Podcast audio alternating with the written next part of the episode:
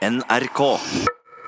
Det var nok mange nordmenn som eh, satt oppe lenge i natt og ventet på sesongpremieren, at den skulle slippes på HBO. Vi snakker selvfølgelig om eh, den siste sesongen av Game of Thrones, verdens største TV-serie, og ikke minst en av verdens mest omtalte TV-serier. Og en av dem som satt oppe, det var Marten Hedestad, Hedenstad fra Filmpolitiet. Velkommen til Nyhetsmorgen, Marte. Takk for det.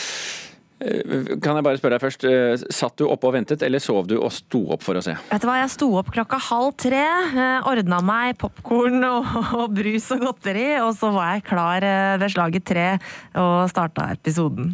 Hvordan var den? Vet du hva, jeg, jeg, jeg, jeg likte episoden. Jeg kosa meg med den. Jeg syns at den klarte å, å, bygge opp forventningene for resten av sesongen på en god måte. Det her er jo en episode som gjenspeiler den aller første episoden i hele serien. Hvor kongen den gangen ankommer Winterfell. Nå er det da dragedronningen Deneris som ankommer Winterfell, og vi får en del av liksom paralleller til den aller første episoden, som, som var et sånt fint lite nikk til hvor serien kommer fra. Og her er det jo en del møter mellom folk som ikke har sett hverandre på en stund, som jeg syns ble gjort ganske fint. Ble litt rørt, uten å avsløre for mye.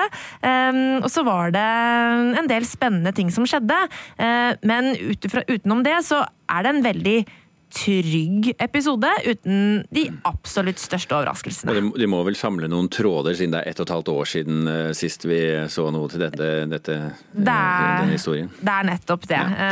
Uh, sånn at jeg syns det funka fint. Og hvis det er noen som lurer på hvorfor vi er litt forsiktige med å fortelle for mye, så, er det selvfølgelig fordi at Marte Hedenstad jo selvfølgelig blir lynsjet ja. av fansen hvis hun avslører noe som helst.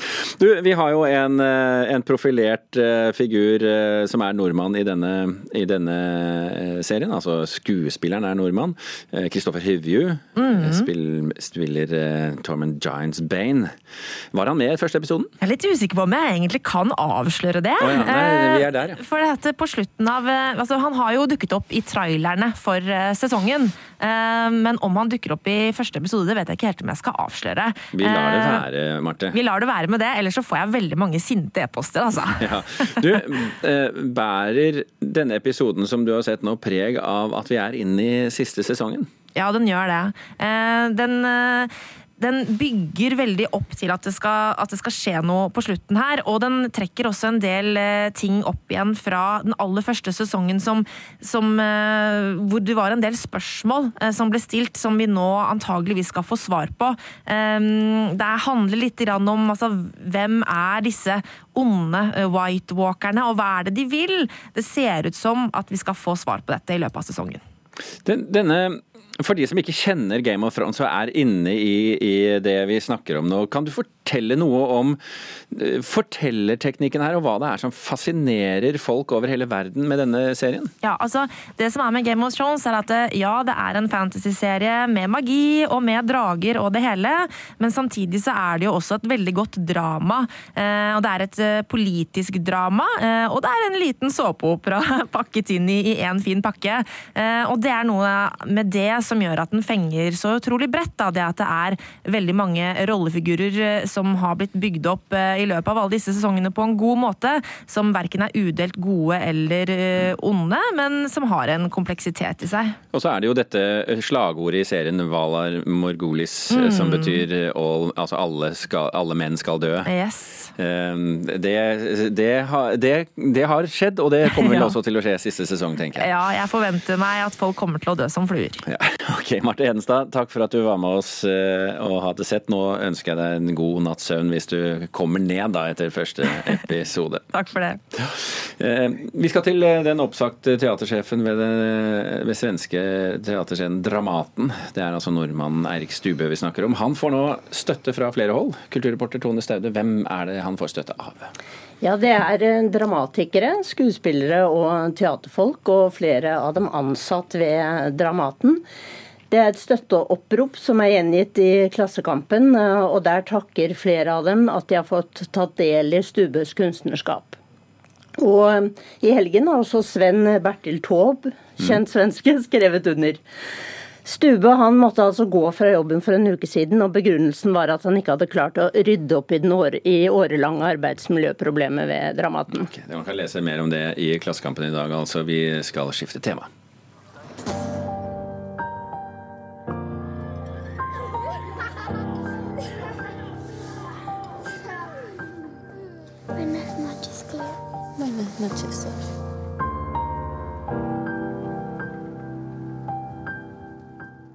denne vakre musikken den er det mange som kjenner igjen fra Netflix-filmen 'Roma' av eh, Alfonso Cuarón, som vant eh, tre Oscar-priser i år. Men kanskje ikke helt inn i varmen hos Oscar like fullt?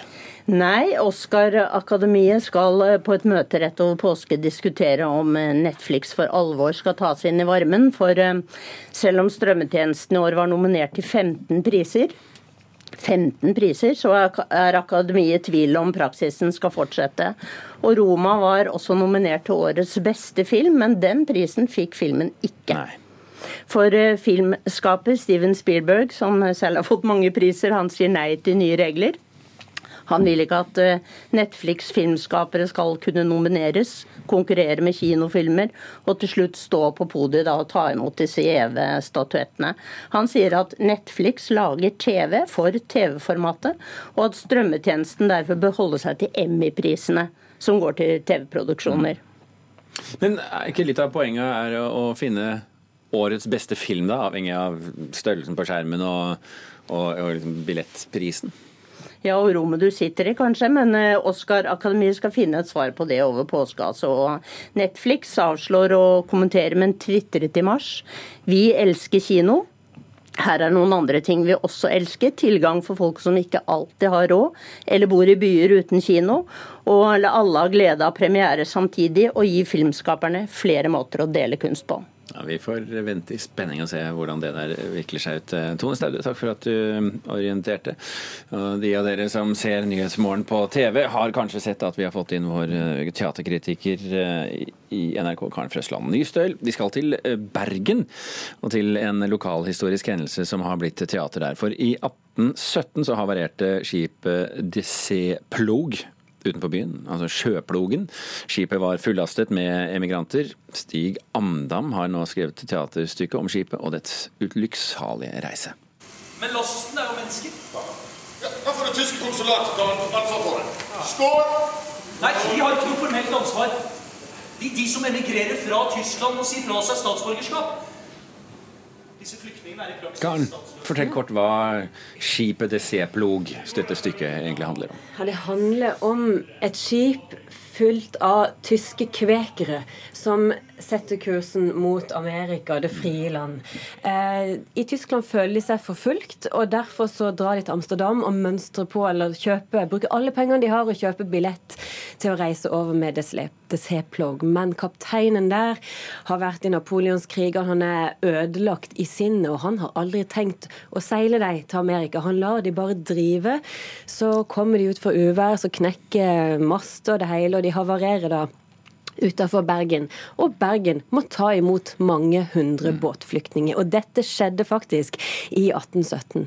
Og stykket veksler mellom at vi følger en bestemt kvekerfamilie, at vi ser scener fra rettssaken mot kapteinen etterpå, og at vi følger borgerskapet eller bystyret da, i Bergen, og hvordan de eh, håndterer det at de får så mange båtflyktninger rett i fanget. Litt vanskelig å forestille seg at dette ikke har noen relevans til vår tid? Det har stor relevans til vår tid, og dette er faktisk det mest um, presise portrettet av, eller fortellinger om flyktningkrisa, og nå snakker jeg like gjerne om den vi har opplevd sjøl.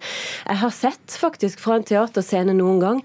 Det er jo lagd teater av flyktningkrisa mange ganger, og da gjerne moderne, postmoderne teater. Eh, men det at det skjer i en annen tid, gjør at det blir veldig presist, syns jeg. Det er som en omvendt dystopi, omvendt science fiction, på en måte. Det skjedde da. Men de replikkene som faller der fra de som bestemmer i Bergen, det er ting som blir sagt nå, og det er ekte replikker henta fra møtereferatet i 1817. Så det, det, kryper kaldt nedover ryggen på meg av og til når jeg ser det. Mennesket har ikke forandra seg. Er alt stykket like godt løst? Nei, det er det ikke. Det er mye som er godt løst. Det er storslagent, det er kostymedrama. Det er fantastisk gjort sånn rent filmatisk med at de har bygd opp sånn at man kan veksle mellom rettssak og båttur. Eh, bare, det glir helt sømløst. Det er så mye fint gjort, og mange gode skuespillprestasjoner. Men jeg syns dessverre at dette stykket rett og slett punkterer i andre akt. Og det handler om at vi veit hvordan det går, vi i publikum, allerede fra starten av. Vi får så mange framblikk og frampeik underveis at når, når skipet havarerer, når elendigheter virkelig spiller seg ut Disse flyktningene får jo verken mat eller vann av kapteinen underveis.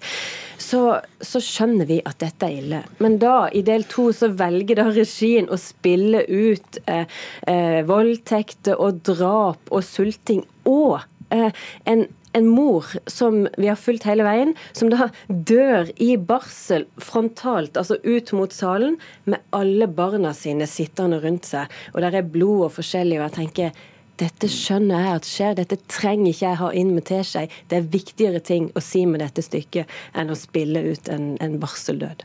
I sum et godt stykke, ja eller nei? Ja, et godt stykke, men ikke alltid like godt løst. Nei, det er aldri det. Ok, Karen Frøsland Israel, takk skal du ha.